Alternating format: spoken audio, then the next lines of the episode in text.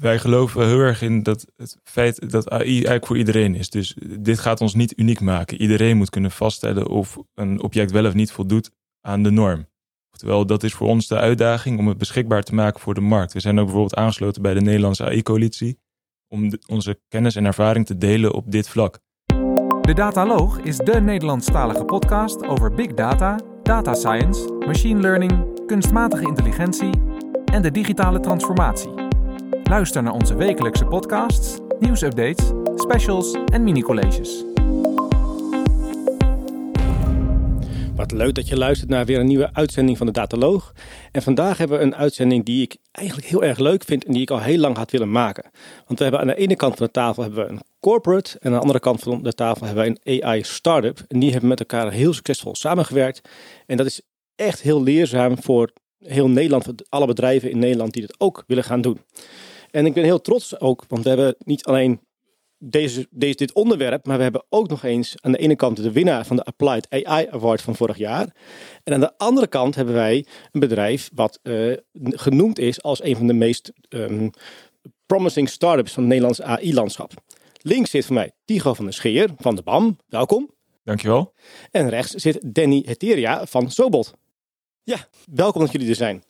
Um, we gaan het vandaag hebben over, uh, ja, over, over Adapt AI en over uh, jullie, uh, jullie samenwerking daartussen. Um, maar we willen natuurlijk eerst even weten wie zijn Tigo en wie is Danny. Um, Tigo, laten we met jou beginnen. Wie ben je, wat ben je, wat doe je? Ik ben dus Tigo van der Scheer. Ik werk bij de BAM. BAM is een ontzettend complexe grote organisatie en ik zit binnen BAM Infra Asset Management vervolgens bij een afdeling waarbij we beheer uitvoeren voor nou, eigenlijk verschillende opdrachtgevers. Dat kan Rijkswaterstaat zijn, dat kunnen gemeenten zijn, dat kunnen provinciën zijn. En we zorgen ervoor dat het areaal eigenlijk van die opdrachtgevers ja, op niveau blijven, waardoor uh, weggebruikers geen last ondervinden van bijvoorbeeld scheuren in de weg of uh, nou, eigenlijk eh, alles wat je kan ondervinden uh, binnen een, een wegareaal. Ja, wat is jouw achtergrond, Tigo? Ik ben bedrijfskundige en ja, zit binnen BAM als business consultant en hou me ja, voornamelijk actief met digitaal asset management. En wij proberen dus eigenlijk alles wat we nu heel traditioneel uitvoeren, dus, dus het letterlijk inspecteren van de weg en het herstellen van de weg, uh, te vertalen naar uiteindelijk het, uh, ja, het, het uh, digitaliseren van het traject door bijvoorbeeld camerabeelden te gebruiken. Maar daar komen we denk ik zo daar nog veel zeker, meer op. Ja, daar ja. komen we zo nog op terug. En naast jou zit, zit Danny. Danny, kun je iets over jezelf vertellen? Zeker. Um, Danny Hetaria, CTO bij Sobolt. Uh, je noemde het een start-up. Zelf vinden we een volwassen start-up. Uh, man of 30 zijn we inmiddels uh, oh, vast. sorry, ja, dat is geen start-up meer natuurlijk. Nee. een man of 30 vast. En we hebben nog 20 collega's die werken in duurzame bijbanen.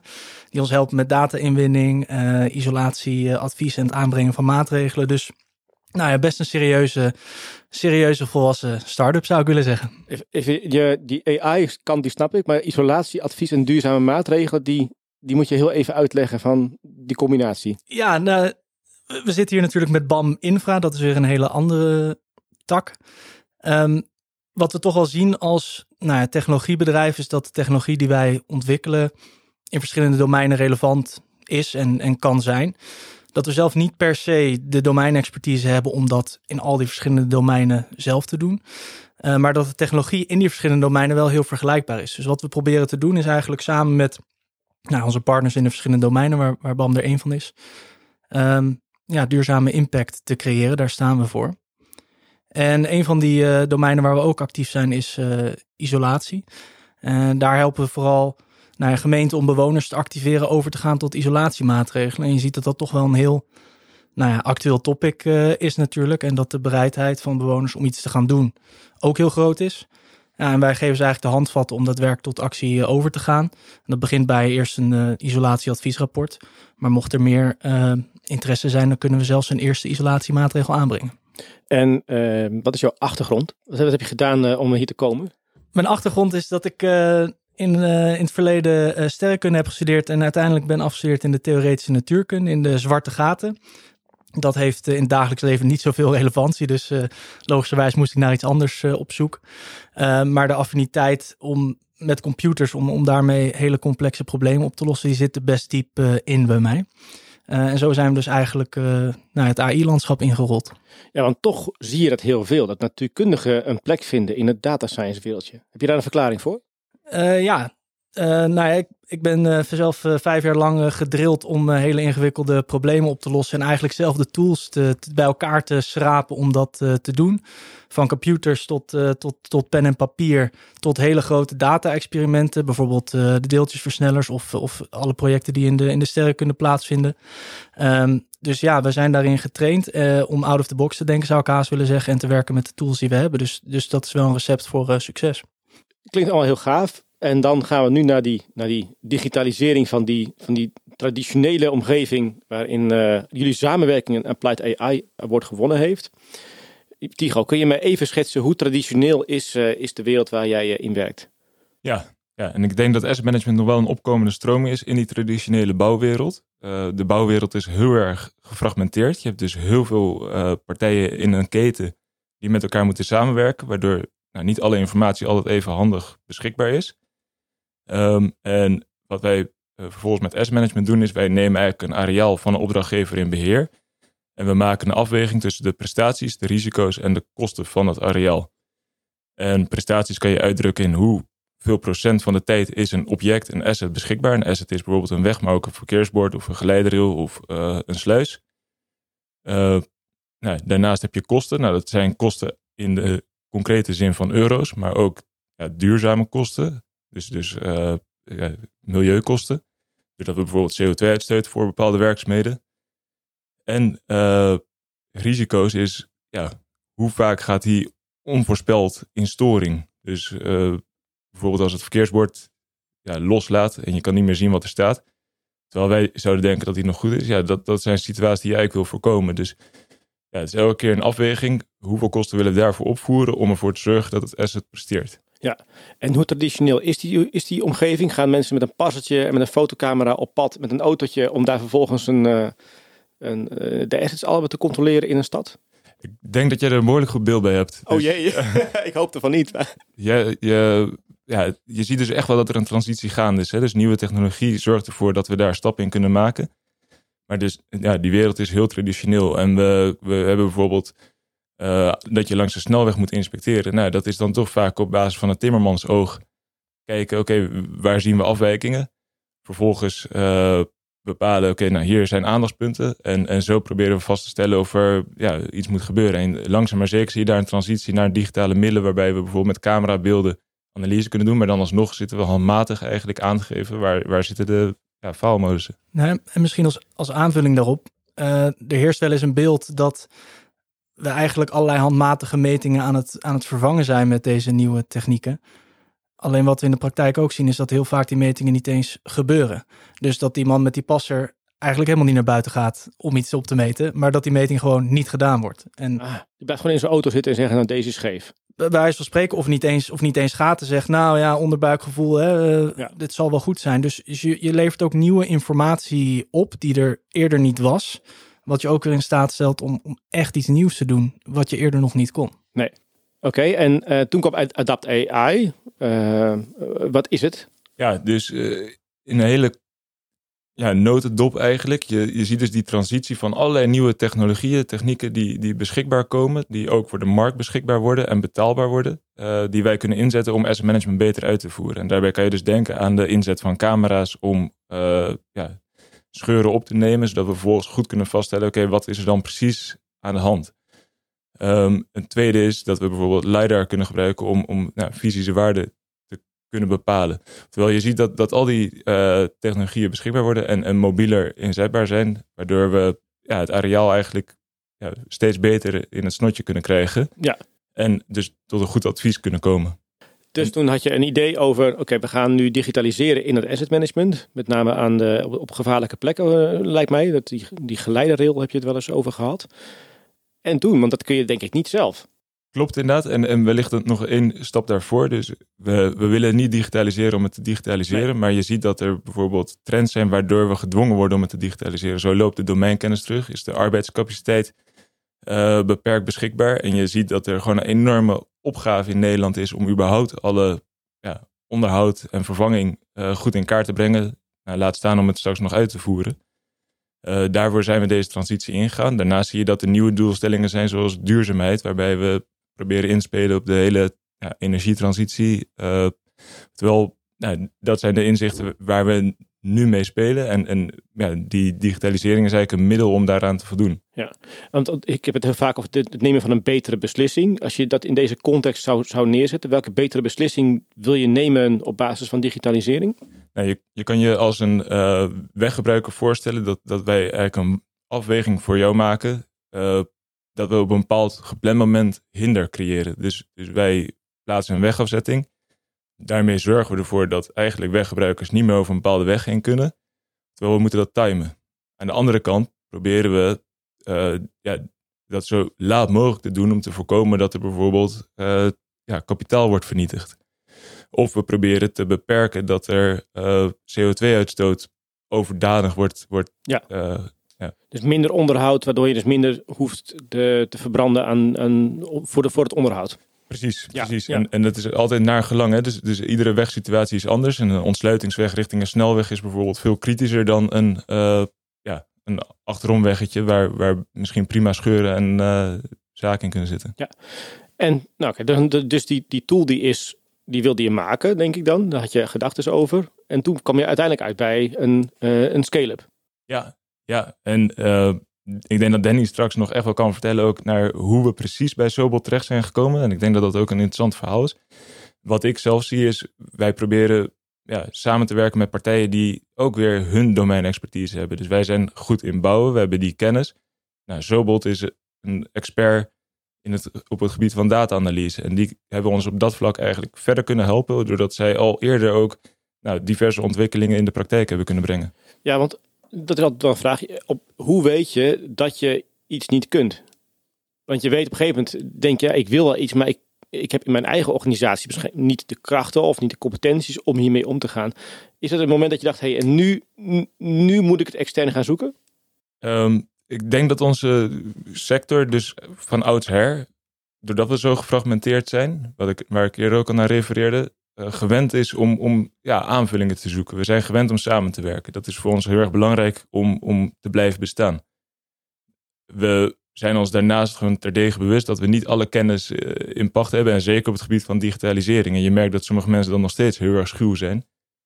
Ja, als je dan met partijen als, als uh, Sobel praat en dan specifiek met Danny praat, dan merk je dat daar echt wel een kennisverschil zit. En dat je juist daar enorm veel profijt van kan hebben door die informatie uit te wisselen. En andersom merken we dat we ergens anders een unique selling point hebben. Ja, ja, ja en ik denk ook dat het niet ophoudt bij de kennis van data-analyse. Ik denk dat het ook zit in de, de, de ervaring met, nou ja, samen met, met partners, zo'n innovatie eigenlijk van de ideefase tot in de operationalisatie en uiteindelijk de commercialisatiefase te, te brengen. En daar zitten zoveel valkuilen in de weg, dat je daarin denk ik, uh, nou ja, samen zeker meer weet uh, dan alleen.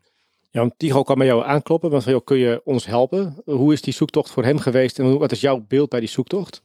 Uh, nou ja, we werken al enige tijd met de BAM samen in het, in het begin vanuit de, de lucht. Hè, dus het, nauwkeurig in kaart brengen van wat er nou daadwerkelijk in het areaal ligt. Met als doel om beter te begrijpen hoe groot de onderhoudsopgave is. En daardoor betere inschattingen te kunnen maken van wat is er nodig qua budgetten, qua mensen en, en dat soort uh, zaken. En toen uh, uh, kwam de geleiderrail als of nee, ik moet eigenlijk uh, vangrail zeggen, want dat is uh, hoe het in de volksmond uh, ja. bekend is. maar dat mag niet meer van Tigo.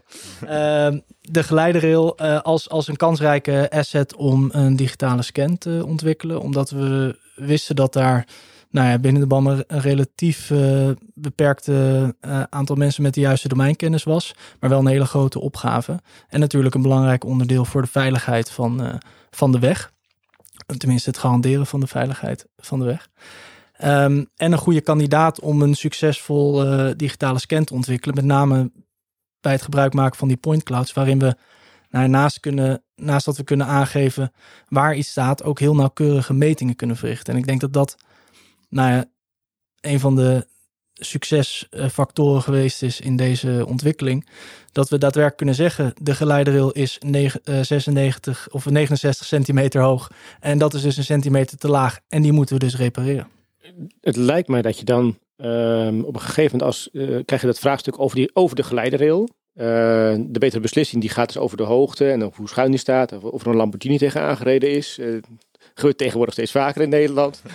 En dan, en dan wel welke, welke kleuren en zo. Dan wil je ook graag, uh, ga je jou als expert op datagebied waarschijnlijk ook kijken naar welke, welke type data heb ik nodig om het vraagstuk te beantwoorden.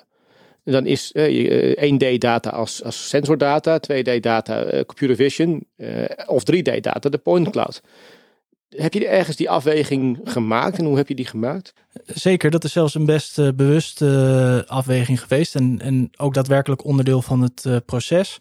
En we werken graag in, in verschillende fases, waarbij je begint natuurlijk met een, nou, een soort proof of concept en uiteindelijk dat doorbouwt via een, een daadwerkelijk pilotproject naar een operationele dienst. en in het begin dachten we nog dat we vanuit het vliegtuig met LiDAR dit, uh, deze case zouden kraken. Dat is al heel wat anders dan hoe we het nu hebben gedaan. Nu hebben we dat met de auto uh, gedaan. Uh, maar het idee was, vanuit de lucht kunnen we namelijk heel nauwkeurig de hoogte meten. En we hebben geen last van bijvoorbeeld struiken die, of, of onkruid dat voor de geleiderrail staat. Je kunt vanuit de lucht kun je de hoogte van de vangrail tot op de centimeter nauwkeurig meten. Zeker, als je er maar laag genoeg overheen vliegt, dan kan je een heleboel meten. Ja. Uh, dan ben je wel weer een nieuw probleem. nou ja, precies. En dus om, om verschillende redenen bleek dat uiteindelijk uh, niet the way to go. Daar hebben we dus nee. nog wel de eerste ontwikkelingen mee uh, gedaan. Maar dat was nou ja, een stuk duurder dan er met de auto langs rijden. Maar ook het detailniveau dat we eigenlijk nodig hadden. daarvoor was het gewoon onvoldoende geschikt. Toen hebben we dus daadwerkelijk bewust ook een stap moeten maken naar de auto. En, en nu rijden we met een auto met het verkeer mee. En dus ook uh, nou, niet de, uitstoot van de vliegtuig en ook niet uh, geen aanvullende hinder. rijden we met het verkeer mee en kunnen we op die manier uh, met de LiDAR scanner en de, de camera de geleider innemen. En nou ben ik wel heel benieuwd. Hè? Dat zeg je, je zegt, heb, heb het steeds over we. Uh, is we dan uh, die uh, innovatiemanagers en de elektro-engineers die hiermee bezig gaan? Of is, is we dan de monteur van de BAM die samen aan één bureau zit met een designer van Sobold? Um, nou, zo direct lukt het nog niet, maar ik denk wel dat het... dat we ons best hebben gedaan om de domeinexperts van BAM in te zetten. Dat, dat was mijn eerdere punt ook al. Zonder die domeinexpertise is het bijna niet te doen. Die kan letterlijk zo alle NEN-normen die relevant zijn oplepelen. De geleiderrail moet zo hoog zijn, uh, zo ver van het asfalt afstaan. Als een obstakel hoger is dan 7, 7 centimeter, uh, dan moet er een geleiderrail voor staan. Dat soort zaken, die kennis hebben wij uh, natuurlijk niet. Dus er zijn zeker vele gesprekken geweest met domeinexpert. Tigo zelf is ook betrokken geweest bij die ontwikkeling om met name die vertaling te kunnen maken naar hey, welk probleem gaan we nou met elkaar oplossen? En, en, welke vraag ligt er nou uiteindelijk vanuit de klanten? En hoe wordt er, uh, nou ja, door de projectmanagers binnen de BAM uh, over nagedacht? Uh, en uiteraard de mensen die het uiteindelijk moeten maken en die een, een brei ongestructureerde punten moeten vertalen in een, in een meting, een inzicht en uiteindelijk een, een meerjaren onderhoudsplan. Ja. Ik heb denk ik nog een aanvulling hierop. Graag.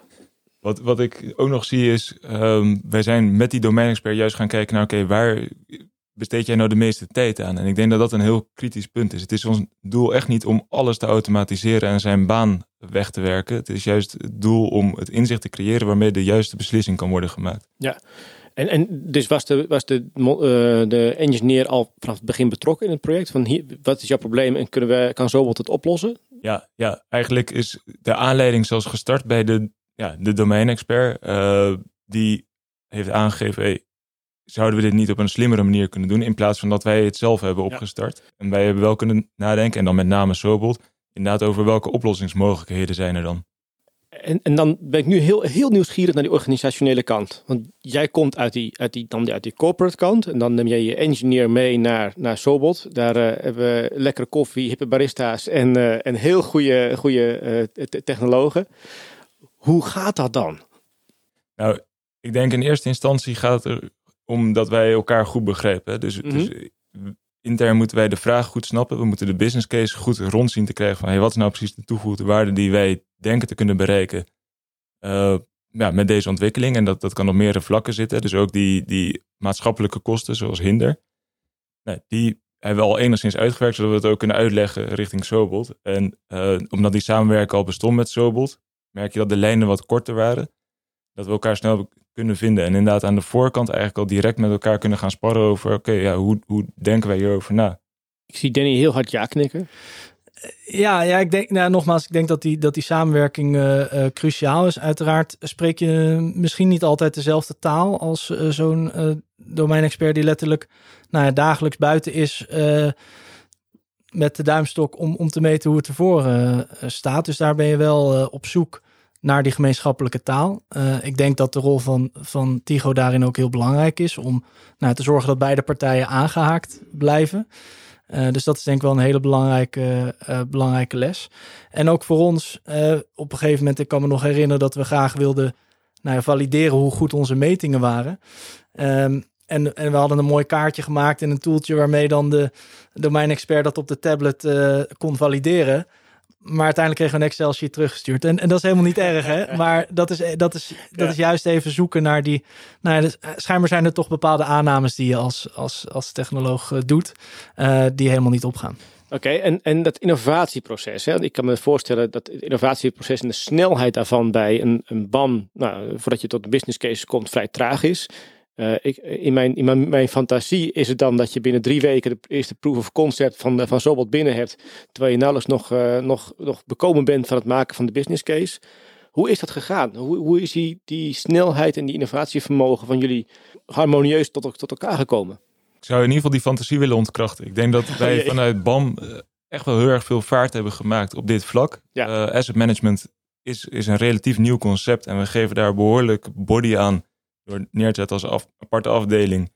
En we hebben ook intern data scientists en data engineers in dienst. Uh, we werken Scrum Agile en we proberen nou, dus ook in, in hele korte cycli stappen te zetten. Maar zijn je dan de enige afdeling binnen BAM daarop? Of is er ook andere, want je noemde eerst BAM nog heel traditioneel. De BAM is, is uiteindelijk een projectorganisatie. Ja. Dus, dus wij leveren uiteindelijk projecten op, zoals de Asledijk, eh, de Zeesluis. Maar ook kleinere projecten waarbij gewoon wegen moeten worden beheerd. Maar uh, je ziet ook in een, uh, ja, in een ander traject dat wij ook langzaam maar zeker verschuiven richting diensten. En ik denk dat dat bij asset management heel erg goed waarneembaar is. Waarbij we ja, letterlijk ja, in, in die, die, die wat meer, ja, misschien de hippe bewoording. Uh, de Scrum Agile, ja. Ja, precies. Ja. Nou ja, en um, ik denk wel dat, het, uh, dat we elkaar hebben getriggerd om snel te gaan. We hebben vanaf begin af aan, nou, die, die proof of concept gaat in mijn beleving wel echt zo snel. We hebben dat ook echt in, uh, nou, misschien in een anderhalve maand uh, gedaan. Uh, en ons ook heel goed gerealiseerd dat je er dan nog lang niet bent. Dus de eerstvolgende stap is dat daadwerkelijk in de praktijk te gaan toepassen. En dan, dan blijkt het voordeel van een grote organisatie als de BAM weer. Je hebt heel veel interne klanten, projecten, die daar gelijk uh, in durven te stappen. En, en dat is wel heel mooi, want als wij zelf een ontwikkeling in de markt zetten, dan heeft dat een veel langer aanlooptraject. Uh, is het veel moeilijker om die pilots binnen te krijgen. En met, bij de BAM konden we in ieder geval rechtstreeks aan de slag. En de, eerste versie is niet perfect, dus je moet daarin wel de juiste verwachtingen managen en de, en de projecten daar ook in meenemen.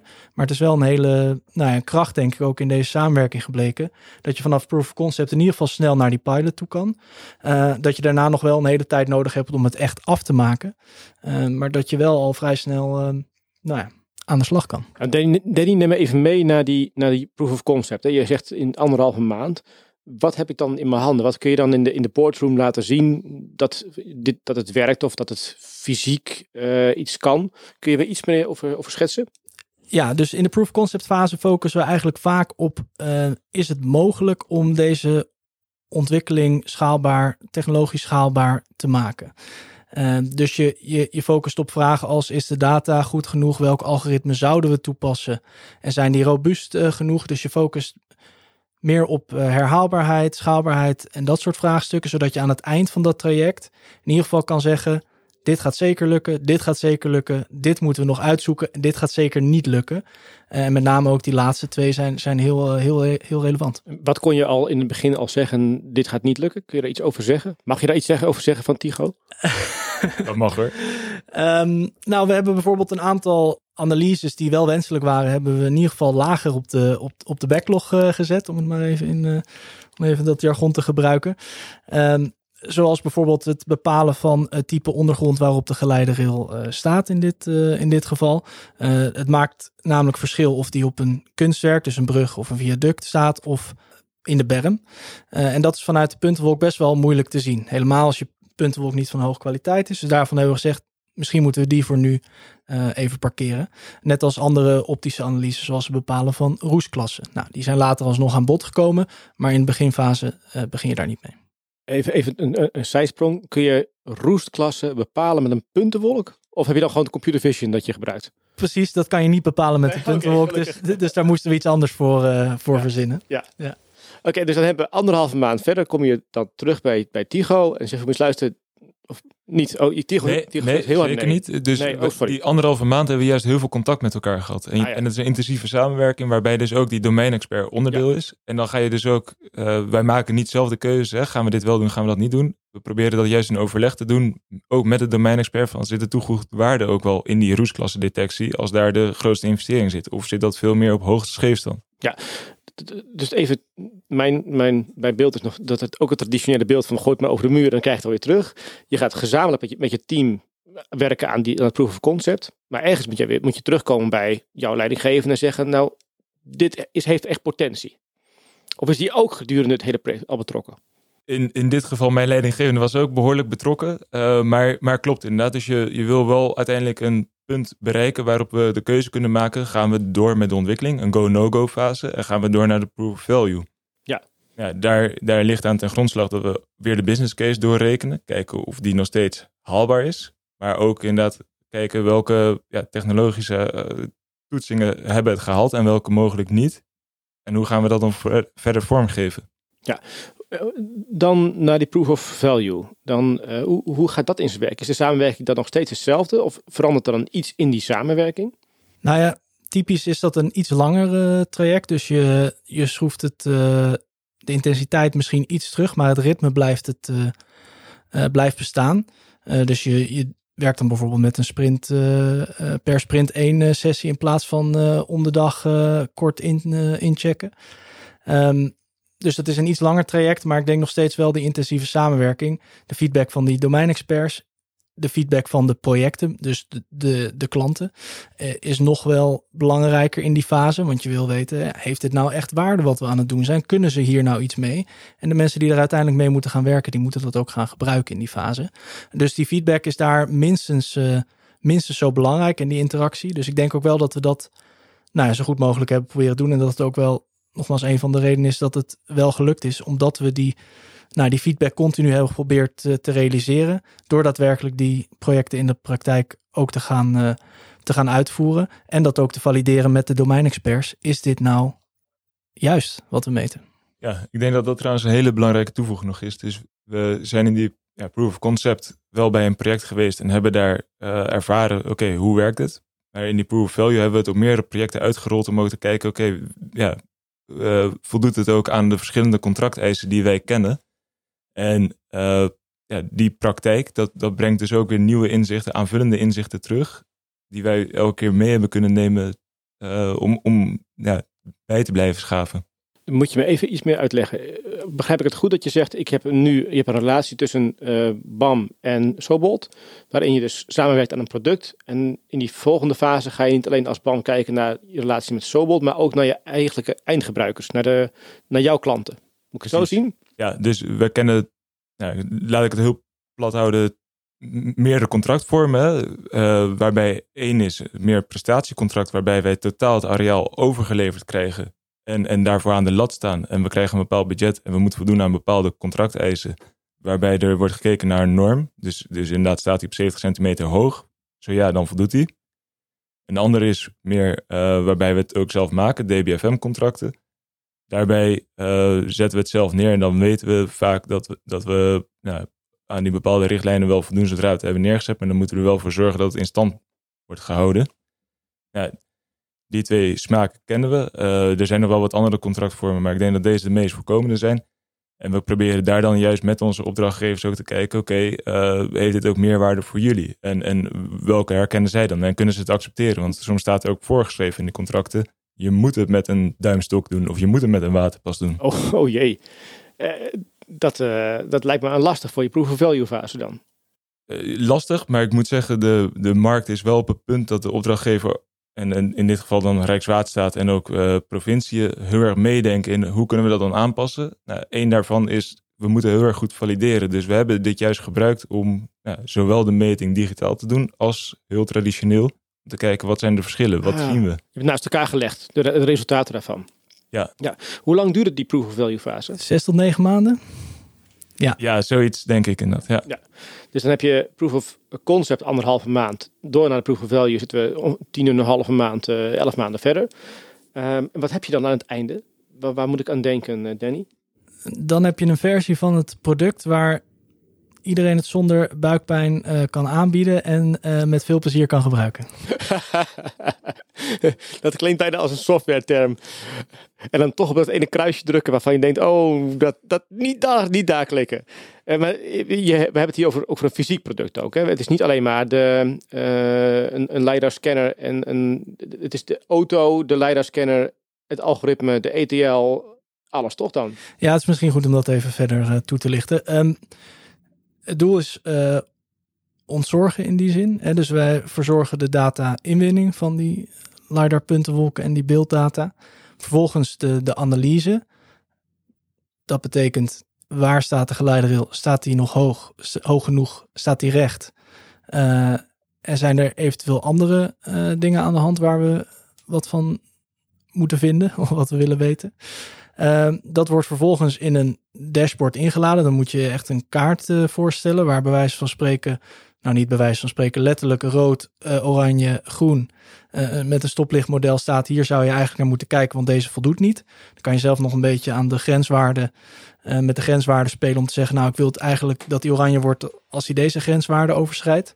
En dan kan je op de niet voldoende stukken geleiderrail klikken en zien, hé, hey, wat is er dan aan de hand? Kan je dat nader inspecteren. Um, en dan kan je op basis van die nadere inspectie die je dan hebt gedaan, uh, je meerjaren onderhoudsplan gaan maken. Dus letterlijk, welke maatregelen moet ik nemen? Uh, wat gaat me dat kosten? Uh, om het op, op niveau te krijgen, dus voldoende aan de norm. Precies, dus we geven eigenlijk antwoord op de vraag: wat heb ik in mijn areaal? Wat is de status van hetgene wat in mijn areaal staat?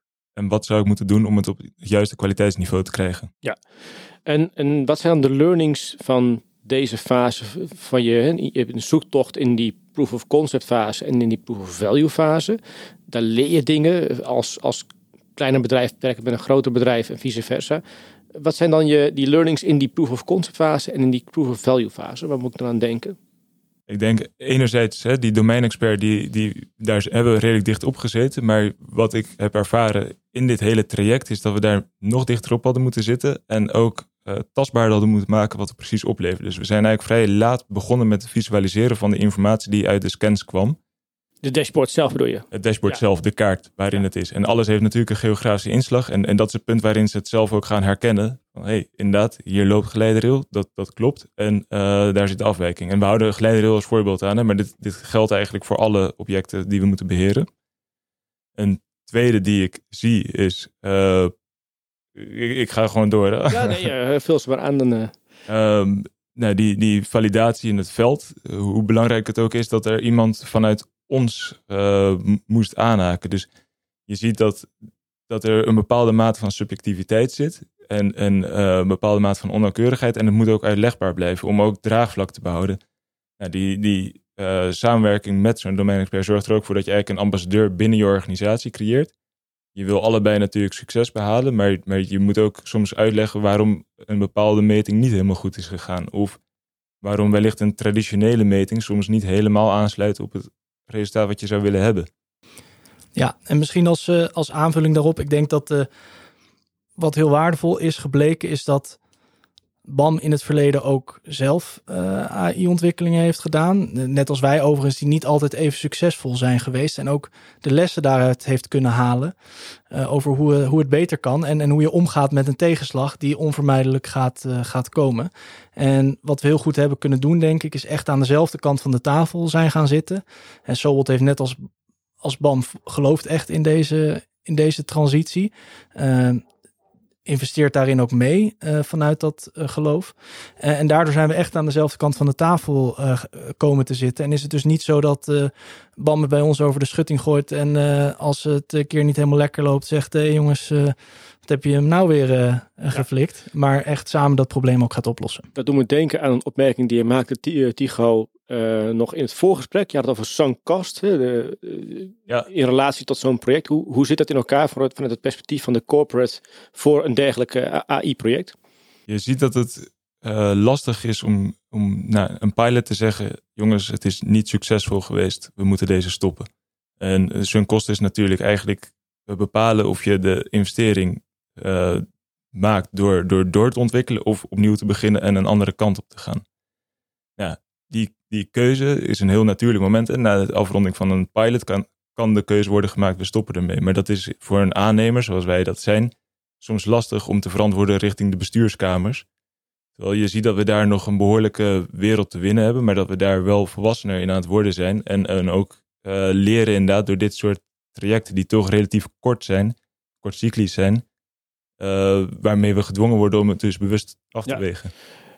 Danny, jij zei op een gegeven moment, wij gaan zitten aan dezelfde kant van de tafel. Uh, dat klinkt alsof je niet een klant-vendor relatie hebt, maar dat je een, een gezamenlijke doel hebt om te investeren en iets te maken. Klopt dat ook? Dat klopt zeker. Uh, is opgericht met het idee, of in ieder geval de wens, om producten te ontwikkelen. Dus iets, iets te, één keer te maken en, en wij eruit te kunnen rollen. Want alleen op die manier geloven wij dat we echt de impact kunnen realiseren die we beogen. En dat betekent dus als wij alleen maar voor de BAM dit zouden inzetten, dat, dat de impact relatief beperkt is. Dus we willen ook graag nou ja, kijken hoe kunnen we dat verder, in dit geval uh, buiten Nederland, uh, in gaan zetten. Uh, want dan zitten we ook BAM niet, BAM nee, niet dat, in de... Dat was een, mijn vervolgvraag. Mag, mag Dura even meer nu zo meteen ook een leiderscanner gaan, of jullie gaan afnemen? Of is dat, is dat, is dat weer een, een, een joint venture-achtige constructie die jullie samen dan hebben? Hoe moet ik dat zien? wij geloven heel erg in dat het feit dat AI eigenlijk voor iedereen is. Dus dit gaat ons niet uniek maken. Iedereen moet kunnen vaststellen of een object wel of niet voldoet aan de norm. Oftewel, dat is voor ons de uitdaging om het beschikbaar te maken voor de markt. We zijn ook bijvoorbeeld aangesloten bij de Nederlandse AI-coalitie om onze kennis en ervaring te delen op dit vlak. En vervolgens willen wij door middel van onze domeinexpertise tot het beste advies kunnen komen. En dat advies dat richt zich op veiligheid, op duurzaamheid. Ja. Dus, dus het gaat om de vertaling van die inzichten naar ja, een juiste toepassing. Ja. Um, nou, Adapt AI heeft uh, gewonnen. Uh, staat terecht in het, uh, in het Nederlandse start-up landscape, maar het is eigenlijk een scale-up, dus, dus dat, dat, vergeven de Nederlandse AI-coalitie. Um, maar goed, wat jij al zegt, duurzaamheid en, en, die ambitie, die hoor ik eigenlijk ook bij jou, Danny. Kun je iets vertellen over die bredere ambitie die jullie gezamenlijk hebben, meer dan alleen maar een vangrail? Ja, zeker. Um, in, in die zin is de vangrail misschien ook niet de meest tot verbeelding sprekende asset, maar we weten in ieder geval dat, uh, dat duurzaamheid meerdere aspecten heeft. En een van de belangrijke aspecten is veiligheid. Nou, daar geloven we ook uh, heel erg in dat we dat hiermee nou ja, tot op een hoger niveau kunnen, uh, kunnen brengen. Maar ook dat we op termijn, en ik zeg niet dat we dat nu allemaal al kunnen, maar ook duurzamere beslissingen kunnen nemen. Dus de afweging kunnen gaan maken. Wat vinden we belangrijk? In plaats van alleen maar te kijken naar wat kost het. Vinden we veiligheid belangrijk? En, en wat kost dat dan als ik het zo veilig mogelijk wil hebben? Of ik wil deze situatie duurzaam maken, dus met zo min mogelijk materiaalgebruik. Maar hoe veilig is het dan nog? En eigenlijk het. Meer een holistische blik op, op. Scenario denken. Ja, precies. Ja, en, En, en dat kan alleen maar als we die, nou ja, je noemde het al even, de digital twin uh, uh, hebben. En, en het digitale inzicht in wat is er nou? Uh, en wat gebeurt er als we, nou ja, zus en zo doen? Wat is daarvan de impact? En het ja, het faciliteren en het ondersteunen van die transitie, daar zijn we heel graag bij en daar geloven we heel erg in, want daar zijn we voor, uh, voor opgericht. Nou, nou is duurzaamheid, hè, dat, zijn de, de, dat weet je natuurlijk zelf ook, de GTP3 en, uh, en al die algoritmes van, van Nvidia, die kosten uh, enorm veel energie. het schijnt dat het vergelijkbaar is met een vliegtuig wat van Nederland naar New York vliegt. dat, is niet, dat is niet mals. Um, in hoeverre speelt duurzaamheid in de onderliggende laag van de tools die je maakt een rol? Dat is een hele goede vraag. En het klopt ook dat de algoritmen die wij gebruiken niet altijd uh, binnen fracties van een seconde klaar zijn. Sterker nog, het tegenovergestelde is uh, soms waar. Ja, zeker met LiDAR, hè, met, met point cloud uh, data, is echt heel intensief. Dat is zeker heel intensief. Dus de verwerking daarvan kost ook tijd, geld en, en CO2. Wat we in ieder geval doen, is dat bij de uh, meest duurzame cloud providers uh, onderbrengen, zodat die, zodat die stroom die wordt gebruikt ook duurzaam wordt opgewekt. Dat betekent nog steeds niet dat die duurzame stroom niet uh, ook voor iets anders ingezet had kunnen worden. Dus een tweede, tweede onderdeel daarvan is ook het, nou ja, het, het periodiek reviewen van de algoritmen die je hebt. Uh, en kijken hoe kan ik hier nou de verwerkingstijd verder naar beneden brengen. Wat kan ik bijvoorbeeld doen in het uh, verwerken van de data om nou, minder data te hoeven verwerken dan ik anders zou doen, naïef. En op die manier toch je, footprint te verminderen. maar al deze dingen beginnen wel bij meten, kwantificeren. Wat is nou je eigen impact? Wat zijn jouw brede ambities, Tigo, vanuit BAM? In de samenwerking met? Uh, op het gebied van duurzaamheid? Of, of? Nee, die, de ambities zoals, zoals Danny ze neerzet uh, vanuit duurzaamheid, maar ook vanuit het uh, digitaliseren, digital twin. Ik denk dat die behoorlijk in één lijn liggen. Dus, dus inderdaad dat scenario denken, dat, dat zie je bij ons heel erg terug. Waarbij we echt heel bewust de afweging willen maken. Tussen gaan we ja, A doen, gaan we de weg afsluiten en, en alle geleideren goed zetten? Of gaan we nog een jaar wachten en, en dan meteen het asfalt en de verkeersborden et cetera meepakken? Uh, we hebben ook bijvoorbeeld heel veel installaties in beheer, waarbij we ja, sturingssystemen hebben, waarbij we informatie kunnen ophalen en die kunnen inzetten om, om eigenlijk het onderhoud en de levenscyclus van een asset ja. te verbeteren. Dus op weg naar meer holistische beslissingen voor, voor een duurzamere manier van asset management. Precies, precies. Een duurzame manier van asset management. En ik denk dat, dat een hele belangrijke daarin is, is dat we dat vanuit partnerschap willen bereiken. Dus het is inderdaad niet zo dat we een uh, Dura voor meer willen uitsluiten. We willen ze juist uitnodigen om met ons in gesprek te gaan en, en ervaringen te delen. Zodat we niet inefficiënt drie keer hetzelfde algoritme ontwikkelen en hopen dat we het snelste zijn. Nee, we willen juist delen om ja, uiteindelijk aan het einde van het traject tot de beste oplossing te kunnen komen. Nou, Dura, als je luistert, iemand van Dura luistert, bellen hè? Precies. Uh, ja, bel me vooral of mail me. Eh, dat, dat is echt zeer wenselijk. En ik denk, uh, ja, we moeten dit ook samen met, met partijen als Sobel doen, die dus met ontzettend goede, slimme oplossingen kunnen komen, maar ook met onze klanten. En je ziet dus ook dat Rijkswaterstaat en een provincie, maar ook ja, de 352 gemeenten die ons land rijk is, ja, handreikingen voor doen. Maar ik nodig ze ook vooral uit om mee te denken. Wat zijn nou die behoeften en hoe kunnen we nou deze transitie eigenlijk maken naar datagedreven asset management? Um, we zitten al op 43 minuten. Um, heel kort nog eventjes. De bedrijven die luisteren, die zeggen we willen een traject ingaan met als corporate met een wat kleiner bedrijf gespecialiseerd in de AI. Eh, noem eens drie learnings die ze zeker mee moeten nemen om de fouten te behoeden die jullie wel gemaakt hebben. Nou ja, ik, ik zou willen beginnen met um, neem echt de tijd in het voortraject om te bepalen wat is het probleem en wat is onze definitie van succes? En zorg nou eens dat je daar eerst eens over eens wordt. Nog voor proof of concept? Nog voor proof of concept. Oké, ja.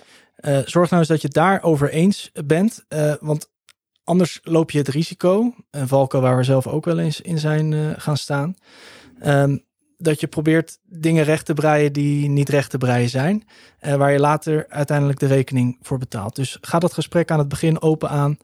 Ga er zo open mogelijk uh, in zitten en definieer met elkaar wanneer zijn we tevreden en zorg dat je daar een gemeenschappelijk uh, beeld over hebt. Twee is denk ik, probeer echt die domeinexpertise van beide partijen samen te brengen. Zet ze samen aan één tafel. Zet ze samen aan hetzelfde bureau, uh, als het kan. En laat ze met elkaar praten en laat ze die gemeenschappelijke taal ontwikkelen waarin ze elkaar kunnen vinden. Dat heeft wel tijd nodig, maar het is denk ik zeker, het is denk ik zeker waard. Drie, Oh, Tigo is aan het schrijven. ja. Um, voor mij is de derde, uh, denk ik, eh, naast alle punten die we al in het hele gesprek hebben genoemd. Dus ik, ik ga naar een nieuwe eigenlijk over. Is uh, zorgen ervoor dat je het ook met elkaar gaat valideren en gaat testen. En ik denk dat dat aansluit bij wat Danny ook zegt.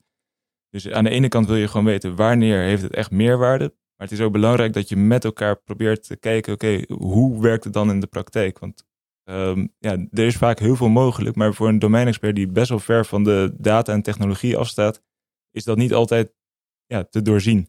Terwijl probeer elkaar ook op te zoeken in het laatste stuk van het traject. Het testen is ontzettend belangrijk. En misschien als aanvulling daarop, wat je al eerder aangaf, uh, faal zo snel als je kan uh, of word succesvol. Oké, okay, dan nog heel kort één vraag. Als ik jullie over een jaar weer interview, waar staan jullie dan? Ik denk dat de BAM dan uh, ja, marktbepalend is voor hoe het landschap van ja, data-gedreven asset management eruit ziet. En uh, dat wij de rest van de sector op sleeptouw nemen om, om hier ook stappen in te zetten. En dat gaat ook om de kleine bedrijven, maar ook zeker om onze directe concurrenten. En Danny, in welk landscape sta je dan? Uh, ik denk dat we met onze partners nog beter uh, duurzaamheid meetbaar en kunnen maken. En, en dat nog belangrijker onderdeel kunnen laten vormen van de beslissingen die men neemt. Ja, ontzettend bedankt voor jullie input. Um, als jullie meer willen weten over dit, uh, dit project, dan kun je waarschijnlijk op de BAN-website en op bijvoorbeeld website wel terecht. Uh, we zullen ook dus in de show notes wat links plaatsen van, uh, van Adapt AI. heel veel succes met de volgende vervolgsamenwerkingen hierin. Dankjewel. Dankjewel. Bedankt voor het luisteren naar deze uitzending van de Dataloog. Vond je onze podcast leuk, goed, interessant of wellicht te veel ene en nullen? Laat een review achter of geef thumbs up. Heb je vragen of opmerkingen? Kijk dan ook eens op www.dedataloog.nl. Hier staan ook de show notes van alle uitzendingen. Je vindt onze nieuwe uitzendingen wekelijks op iTunes, Stitcher, Spotify en alle andere bekende podcastplatforms. Alles wat wij maken doen we onder Creative Commons. Je mag alles hergebruiken voor niet-commerciële doeleinden, zolang je ons als bron maar noemt. Volg ons op Twitter op @dedataloog. Graag tot de volgende keer.